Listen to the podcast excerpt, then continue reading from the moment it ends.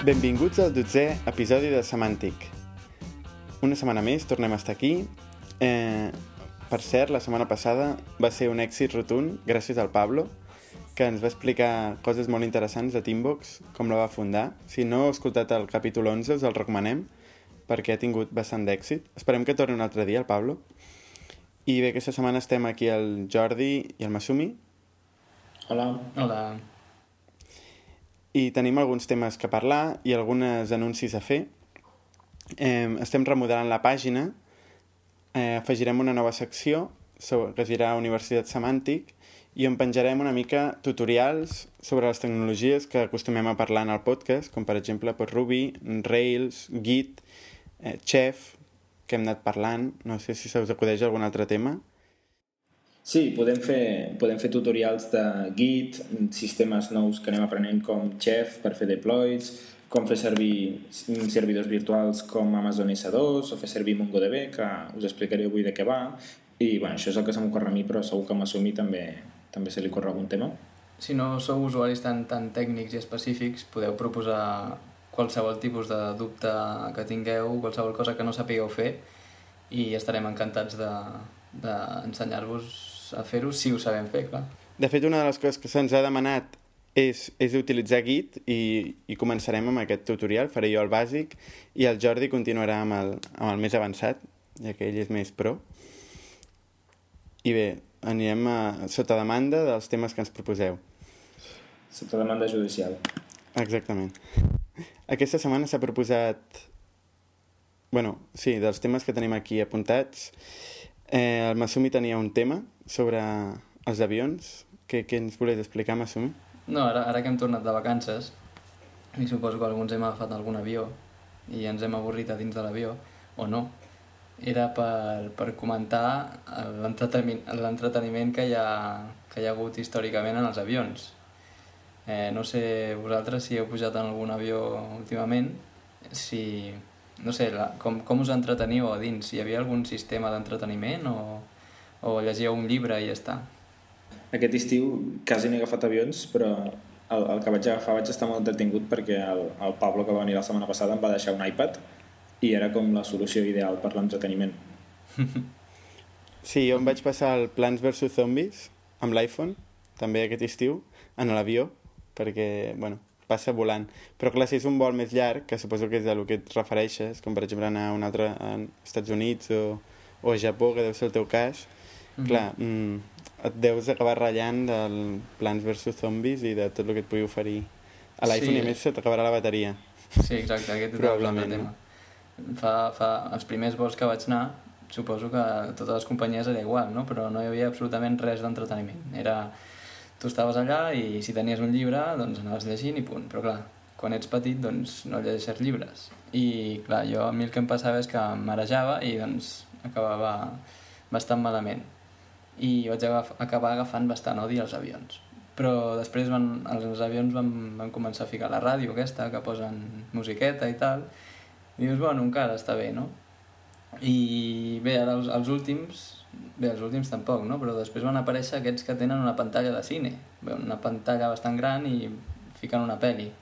No sé si heu pujat en alguns d'aquests. Per als Estats Units hi ha anat algun cop? Hi havia alguna en pantalla d'aquestes? Sí, i, i a Japó també. Posen una pel·li sí que es veu bastant bé i se sent bastant bé, però clar, que t'interessi és molta casualitat. Ja, que també... El que no entenc és per què no, no et permeten triar la pel·lícula, iniciar-la quan tu vols i parar-la quan tu vols. Jo quan vaig anar a Nova York eren pel·lícules que anaven ficant i tu enganxaves, i enganxaves per la meitat, doncs et tocava per Sí. la meitat. Hi havia com quatre canals Això i, i havies de triar un d'aquests. És la segona generació, no? Jo fa, deu fer com 4 anys de, que, que recordo un avió així, que tenies una pantalla personal ja, o sigui, ja era més modern, però la, començava a reproduir-se la pel·lícula i si enganxaves al canal quan començava, bé, has tingut sort. Però si no, no. I llavors acabaves de veure una pel·lícula, canviaves de canal i l'altra ja havia començat, perquè no totes duren el mateix. Llavors Exacte. era com una mica a pal. Però bueno, això ha anat millorant i ara en els últims que he pujat doncs ja són pantalles en què tu pots triar quan vols veure la peli, fer pause quan et porten al sopar i, i a més tenen jocs i coses d'aquestes. El que és curiós per això és que aquest últim que he pujat, que per anar al Japó, que era un Airbus A380, tenia...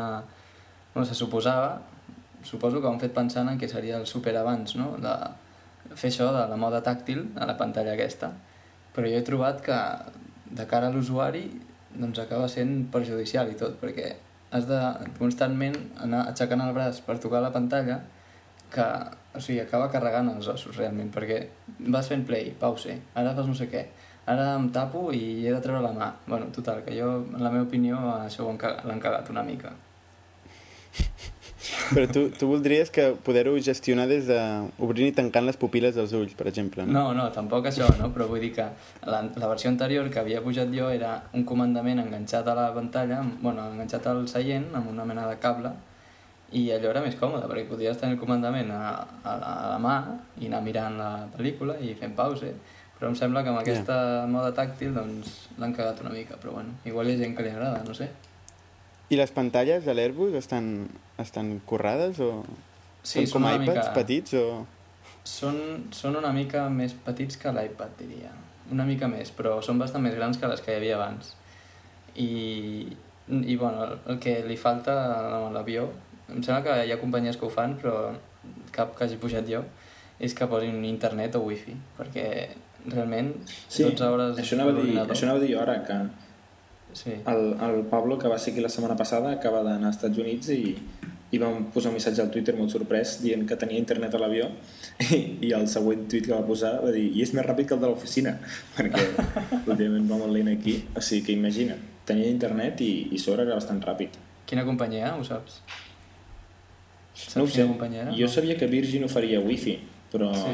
però no crec que vagi amb Virgin. Ja li preguntarem Sí, Jo crec que el futur, el futur passa per aquí, eh? i que et donin de pas un, un iPad que estigui incorporat a l'avió, o un tablet Mm. qualsevol, o qualsevol, no cal que sigui un, un iPad, i que puguis connectar-te a internet, puguis tenir tots els serveis, veure una pel·lícula... Sí, de fet, l'avió aquest, l'Airbus A380, a sota del recolze de braços, té un port Ethernet, que jo vaig pensar, oh, hi haurà internet. I vaig connectar el portàtil i, i malauradament no. Simplement està per adornar ara mateix. Suposo que Per fer, per fer més bonic, per endavant, fer bonic. sí. per semblar modern, no? El logo d'Ethernet allà. Suposo que més és, és endavant molt funcionarà, modern no? un cable Ethernet Sí, bé, més modern que no haver-hi res. Però bé, suposo que millorarà amb el temps, això. I, I després el, el, a l'Airbus A380, que és, el, bueno, és molt nou, no? Sí, sí, de, de Lufthansa feia dues setmanes que el tenia. Mm -hmm. I comentaves que no se senten les turbulències i aquestes coses, no? Sí, sí, o sigui, era bastant increïble. A més, el, el Pablo ens va explicar, ara jo no recordo res, però el Pablo, que és enginyer aeronàutic, ens va explicar moltes coses de l'avió molt interessants. Com, per exemple, com obtenir aigua gratis. Ah, bueno, i, i, ja que dius això, a mi em va, em va, el que més em va sobtar és lo de, lo de l'aterratge i, i el... Com es diu? El despegue? Ostres, no em surt en català. L'enlairament.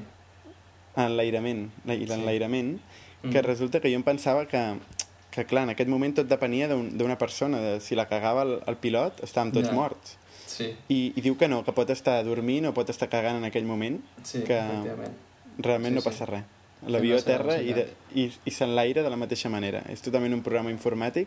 Ens va, dir, ens va explicar que funcionava amb tres processadors de diferents fabricants, Intel, Motorola i, No- i Nokia, em sembla, Sí. que fan exactament la mateixa funció i cada vegada comproven que, que realment tots hagin arribat al mateix resultat. Si Sí, hi ha un un, àrbit. que ha arribat amb un, amb un resultat incorrecte, s'apunta, s'anota i després, eh, quan arriba a, a, a un aeroport, es comprova per què ha fallat i tal. O sigui, sí, sí, realment és un sistema... És un ordinador super segur. va dir que si els tres resultats eren diferents explotava l'avió Com, com? Què passava? Si és... que explotava l'avió directament si els tres resultats eren diferents el que vol dir que no hi, no hi havia solució possible i abans que cagar-la decidien sacrificar tots els passatgers Tots els passatgers. És una Bueno, bona no, opció. no, record, no recordo aquest passatge, però... no recordes? I Estava pensant que seria molt divertit si algú ens està escoltant des d'un avió i nosaltres aquí parlant de, No, l'altra cosa el curiosa que va dir, l'altra cosa curiosa que va dir és que si el motor eh, queia a plom i es quedava l'avió sense motor per allà, podia aterrar perfectament. Sí, sí, es veu que Mm. poden planejar. Sí, sí, això està molt bé I saber-ho. un avió que pesa tant com, el, com aquest, l'Airbus A380, com, com pot ser que... Propietats físiques de l'aire. viscositats i Que coses es, es d'aquestes. demostren Sí, sí, bufant després, un paper. després la conversa se'n va anar cap aquí, cap a viscositat de l'aire i, Sí. bueno, i després ens va haver de despertar tots perquè estàvem dormint al bar Sí, sí, de sí. sota de Teambox. No, de fet, jo vaig veure més, vaig veure Callejeros Viajeros d'aquests. Un cop entrevistaven a un pilot, que bueno, hi ha pilots d'aquest d'aerolínies gegants, i deia que li avorria molt. Pilotar aquests avions li avorria molt. I llavors el, el càmera l'acompanyava fins a casa seva li ensenyava el seu pàrquing i veia allà la seva avioneta. I diu, això sí que és pilotar, aquí puc tocar i puc controlar l'avió, però el que és una aerolínia no em deixen fer res i no, això és un ordinador que ho fa sol i em va recordar molt el que em va comentar el que ens va comentar el Pablo que clar, l'ordinador ho fa tot i ells estan allà com de de, de, de res, mirant. Però bé, Bueno, el dia que ens encarreguin un programa en Ruby on Rails per gestionar un avió sí, i explicarem com funciona.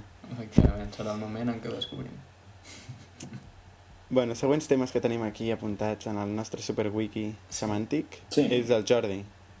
Jo us volia parlar de, de MongoDB, que és un, un sistema de base de dades. Aviam, Que no és per això vam mongos, parlar eh? fa... No és per mongos, no. Ja està, la broma de torno gastada. S'havia de fer. Vam parlar fa un parell o tres de setmanes de la moda dels no SQLs, doncs aquest entraria dins de la categoria. O sigui que és, un, és una base de dades que no es basa en files dins de taules i aleshores un llenguatge de programació per fer les consultes, sinó que es basa en documents. O sigui, tot el que es guarda en una base de dades Mongo no té una estructura predefinida. Pot ser qualsevol cosa. Pot ser que cada objecte tingui una estructura diferent. I això, per exemple, és molt útil quan tens molts casos excepcionals. Per exemple, si tu guardessis documents on de tant en tant té un camp, però de tant en tant no el té, doncs el que hauries de fer una base de dades com MySQL és sempre tenir aquella columna i tenir-la gairebé sempre buida portant a, a tenir una, una estructura, un esquema de base de dades molt, molt poc pràctic i, i ple de camps que no serveixen de res i aleshores cada vegada que vulguis fer una query has de tenir en compte totes aquestes milers d'excepcions i, i és molt incòmode. I per altra banda, la gràcia que té és que et permet empaquetar informació mm, comuna en un sol lloc. Per exemple, si tu tinguessis una aplicació que et fes factures, doncs podries tenir la factura amb totes les seves línies de factura i la informació del client junta amb un sol objecte que es digués factura. Val? I així en, en mil casos. Això Però- és relativament nou, Com accedeixes en aquest objecte? doncs tu fas una consulta i l'identifiques amb una clau i li demanes dona'm la factura que té aquest identificador i ell te'l retorna. Aleshores això funciona com totes les altres bases de dades que pots crear índexos Ah, que vale. serveixen doncs, per fer una cerca ràpida, tot i que l'ID per defecte ja està indexat. Això, diré quatre webs així famoses que ho fan servir per diferents motius, com per exemple són Foursquare, que és la xarxa aquesta social, el bit.ly, que és un escurçador de URLs, eh, SourceForge, que és per allotjar projectes open source, alguna pàgina del New York Times, GitHub ho fa servir per, per fer estadístiques, Justin.tv també ho fa servir per fer estadístiques i un CMS nou que es diu Harmony també ho fa servir per emmagatzemar tot el que és la, tota la pàgina web que allotges amb el, amb el seu CMS.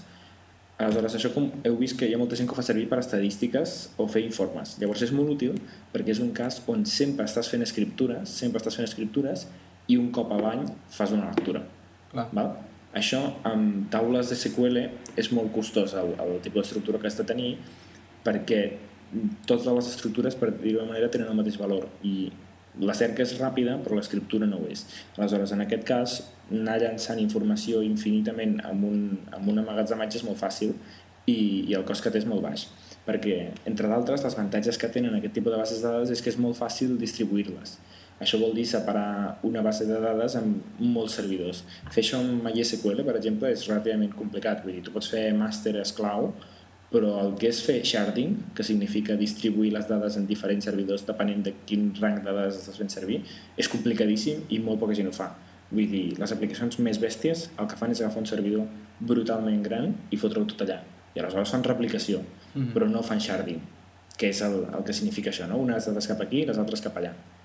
Aleshores, això, per exemple, ve, ve programat de sèrie amb MongoDB, el, el sharding, també permet Perdona. fer índexos per fer... Perdona Sí, una pregunta. tant. Jo, lo del sharding, no he acabat d'entendre com, com s'utilitza. Vale. És dir, quina... Imagina't... Sí, sí, perfecte. Imagina't que tu ets YouTube i vols Sí. guardar estadístiques per cada vídeo. Quanta gent l'ha visitat, per exemple, Sí. Val? Això t'imagines més o menys com seria si instal·les en una base de dades. Doncs diguem que tens mm, 10 bilions de vídeos i cada vídeo el veuen d'una mitjana de 2.000 vegades. Doncs si volguessis guardar una fila per cada visita, hauries de tenir una base de dades molt gran, amb molta capacitat de disc. Sí. I cada vegada que volguessis fer una query sobre dona'm totes les visites d'un vídeo, hauries de mirar dins d'un llistat infinitament llarg. Llavors aquesta consulta serà molt llarga. El, el sharding, el concepte aquest significa dir si el vídeo aquest es va pujar abans del 2007, vés a buscar en aquest servidor. Si es va pujar després, vés a mirar en aquest altre. O sigui, Ah, és separar dades depenent d'un camp. Ah, fas trossets. Exacte, fer trossets. sí, sí. Està bé. És exactament això. I això amb MySQL és bastant complicat. I Per què és complicat altres- amb, amb MySQL? per la manera com està dissenyat MySQL, tu tens una taula. Aleshores, el que hauries de fer és tenir diverses bases de dades i ja no és la mateixa base de dades. Estàs tenint diverses bases Ah, de dades i d'acord. has de basar en la lògica del teu programa Sí, com sí, separes clar, això. No ho té I- i- programat de sèrie. I en canvi I amb, amb MongoDB Mongo no. sí que ho té, sí, sí que ho té programat de sèrie. Tu directament li dius, mira, aquesta base de dades he fet sharding amb aquests tres servidors i Mhm. dius quin és, quin és el camp amb el qual es basarà la separació i ell sol ja sap a, quina, a quin servidor ha de fer el query. Ah. Per exemple, altres, altres temes que també estan programats i molt fàcils d'implementar són la replicació, que és el que comentava de master i slave, o sigui, dir, si tens moltes lectures però poques escriptures, el que pots fer és tenir que totes les escriptures vagin a un servidor que és el master i tenir diversos slaves que poden sempre tornar a, a lectures. D'aquesta manera, pots, si tens moltes lectures, pots distribuir la càrrega en diversos, en diversos servidors. Això es diu replicació o master esclau. I també permet, per exemple, el que comentàvem abans de tenir de no tenir un esquema predefinit, per exemple, permet, en un cas excepcional, afegir un camp en un document i no has de modificar la teva aplicació. Simplement has afegit un camp i quan aquest camp existeixi fas el que sigui. Però no has de modificar tots els registres de totes les estadístiques que tenies fins ara per afegir una columna més. Diguem que les columnes són totes opcionals. Un objecte no té una estructura predefinida. Això està bé si s'utilitza bé, no? Però segur que hi ha el típic vago Clar, que comença a liar-la amb aquest tipus de coses. sí, evidentment, si dintre fas massa anàrquic, exacte, després programar pot ser impossible. Ja. però la idea és, com sempre, saber quan utilitzar Mongo i quan utilitzar, diguem, la- l'estructura aquesta variable amb, amb intel·ligència. Mm -hmm. He vist un, un benchmark per veure que a vegades doncs, Mongo té la limitació que, per exemple, fer una query complicada és complex i costós, perquè evidentment no és SQL, no estan totes les dades, diguem, a la mateixa taula amb un índex comú, per tant, fer alguna query complexa pot ser costós. Però amb, amb l'ús normal de fer escriptures i lectures directes, tenint la clau, és bastant més ràpid. Per exemple, aquí hi ha un, un benchmark que simulava 300 usuaris concurrents, o sigui, 300 escriptures i lectures en el mateix moment, eh, i demostrava, per exemple, que el, el temps en fer 100.000 consultes costoses amb MySQL eren 23,5 segons i amb, i amb MongoDB eren 11,95 segons, que és la meitat del temps exacte. La quantitat de dades per segon que es poden transmetre, per exemple, si tens camps grans, en, en MongoDB eren 0,27 megas per segon, mentre que en MySQL eren 0,11, o sigui, dues vegades i mig més capacitat de transferència en Mongo que en MySQL. I, per exemple, la, transfer la transferència que s'havia quedat aturada i més llarga, en Mongo era un segon i mig i en MySQL eren 16 segons, com a 3. Per exemple, si, si vols garantir que mai se't quedarà encallada una query, en MySQL no ho pots fer, perquè moltes escriptures bloquegen tota la taula i aleshores els que estan bloquejats no tenen més remei que esperar-se, no pots fer res més. En canvi, en Mongo fa servir escriptures atòmiques, històries d'aquestes, que vol dir que no bloqueja tota la taula, sinó només el registre, i bueno, mm, en general el que significa és que hi ha menys conflictes entre una operació i l'altra. I, I com s'ho fa Facebook, per exemple? Facebook té... utilitza MySQL, no? Si no m'equivoco. Sí, Facebook s'ho fa tenint molts servidors i diguem que Facebook simplement el, el que fa és tenir molts servidors molt potents i per tant, diguem, si, si hi poses diners no hi ha problema. El problema seria com s'ho faria Facebook si volgués oferir el mateix amb, amb menys maquinària.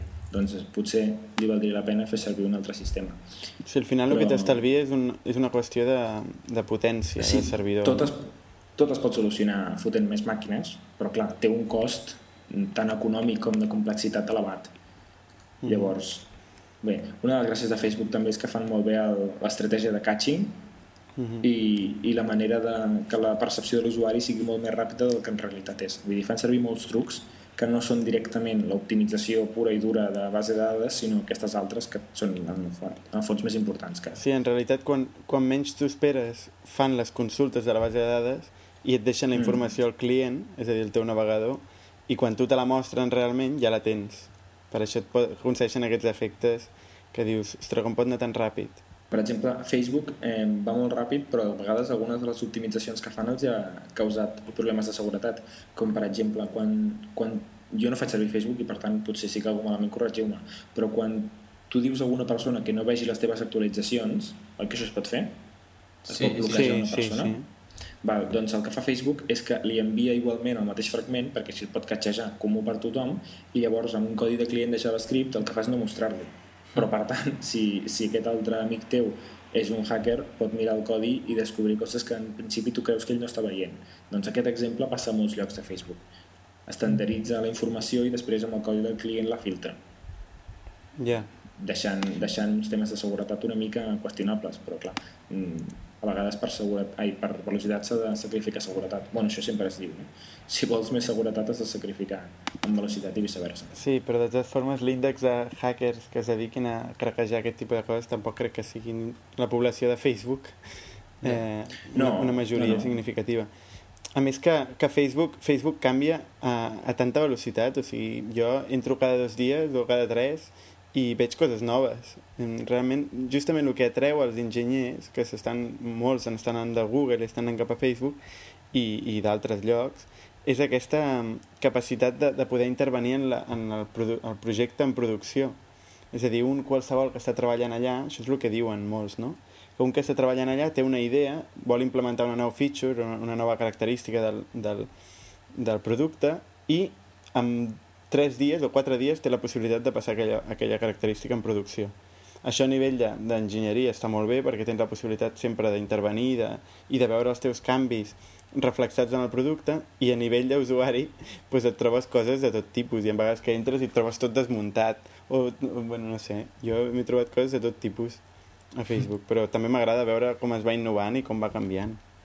I ara, ara que parleu de, de Facebook, m'he de recordar només que el Diàspora, fa temps que no dèiem res, aquesta xarxa sí. social distribuïda i tal, que cadascú controla el seu node i pretén ser més, diguéssim, que cadascú... Encara existeixen?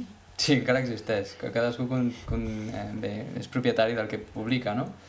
Doncs bé, han dit que el dia 15 de setembre, és a dir, d'aquí res, aquesta mateixa setmana, eh, obren el codi. Llavors ja podrem començar a mirar què han fet fins ara, etc. Així que aviam què, aviam què veiem. La web no ha canviat molt tampoc, no?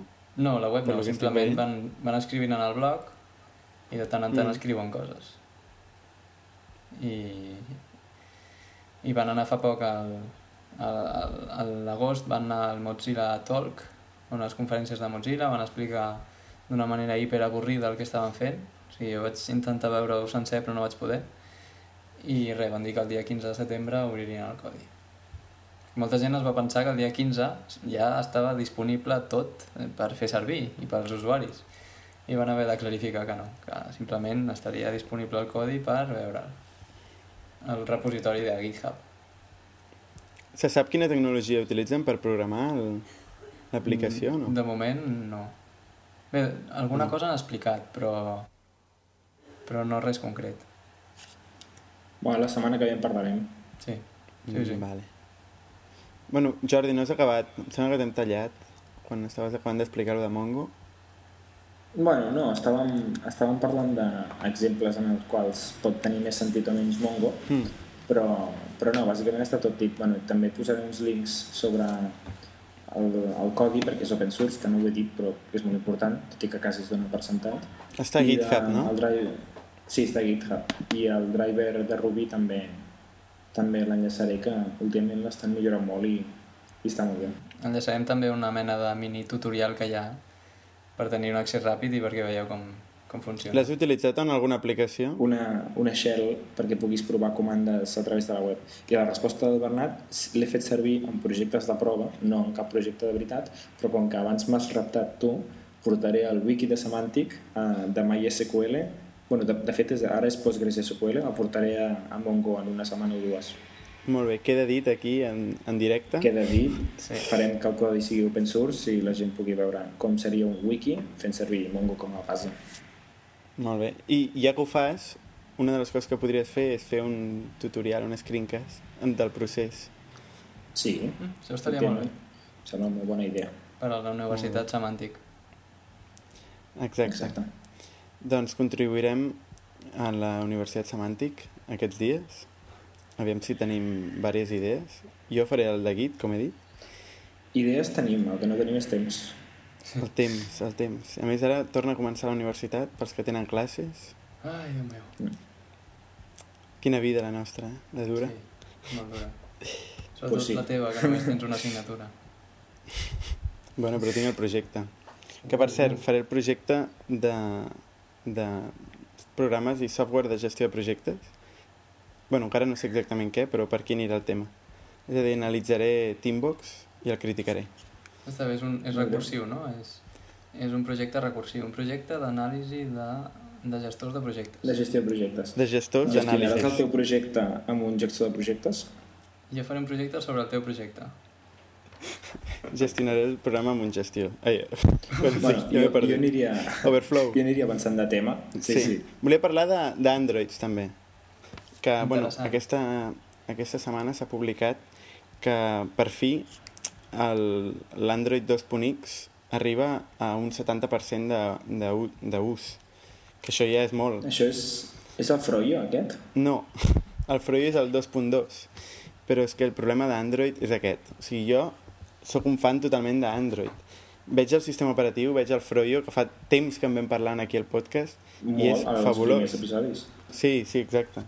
I és fabulós. O sigui, realment, mm, entre l'iOS 4 i, i Android 2.2, jo em quedava amb Android 2.2. Quin és el problema? Que no hi ha aparells que l'utilitzin. Realment no hi ha aparells. O sigui, ara estem dient que, que el 70% s'ha actualitzat a 2.x. Què vol dir això? 2.0, 2.1? Però això Realment- és perquè depèn de les operadores, no, això, si no m'equivoco? Sí, clar, aquest és el problema. Si la gent li agrada, molta gent defensa Android perquè és obert, i és veritat, el sistema operatiu és obert, però el fet de que sigui obert permet a les operadores de tancar el que elles vulguin i, i, i instal·lar les aplicacions que elles vulguin i tancar les, que, les parts que elles vulguin. I moltes inclús inc inclouen eh, una interfície d'usuari que, que és privada, que és en particular de cada, de cada operadora, ja sigui Sense o ja sigui... Bé, moltes n'hi ha. I clar, aquest és el problema. Ara mateix s'ha estrenat Samsung, a part de la seva sèrie de Galaxy S, que funciona amb 2.1, que no és el Froyo, però no està mal, perquè realment la majoria d'Androids funcionen amb 1.x i és trist. Doncs el, el Samsung ha presentat un, un tablet, que és el Galaxy Tab, que està molt, molt bé, realment. És 7, 7 polzades, 7 polzades, i, i està bé perquè té, té, bueno, té GPRS i HDCPA, o sigui 3G, Uh -huh. eh, al mateix temps té wifi, té una càmera davant i una càmera darrere, pot fer videoconferència molt bé, té GPS, i és una mena d'iPad, però que... Amb el que li falta l'iPad, diguéssim. Perquè l'iPad no té càmera, ni davant ni darrere. Exacte, exacte. I permet, té una pantalla molt bona, vull dir que realment té una resolució molt gran, des de 1024 per 600, déu nhi i sí, i permet pues, llegir després tam bueno, té també giroscopi tot el mateix que té, que té l'iPad em sembla que és una mica més petit però l'iPad quantes polzades és? No tinc ni idea. 9,7 9, co- 9 no? Mhm, 9,7 Ah, 9,7, vale. Doncs, i té sortida HDMI, USB, vull dir, té tot això que Apple, no sé per què, no es nega a posar normalment als seus aparells, més facilitat de connectivitat, etc. Doncs aquest, aquest Samsung sembla que ho té, i és Froyo. És a dir, no sé, val la pena, val la pena provar-ho pels que tinguin pasta, Sí, que ho proven i, i ens enviïn un email. I ens ho expliquen. o que ens enviïn un perquè el provem i fem una review Exacte. Exacte. Exacte. Samsung, que ens està escoltant, segur que ens està escoltant. m'ofereixo m'ofereixo voluntari per quedar-me'l després de la review D'acord, otorgat. Els haurem d'explicar en coreà, els de Samsung, per això. Empresa coreana. I bé, mm, si no tenim més temes que aquesta setmana, una altra cosa que hem proposat és que el podcast fer-lo bisetmanal, és a dir, una vegada cada dues setmanes, en comptes de fer-lo cada setmana, perquè Oh.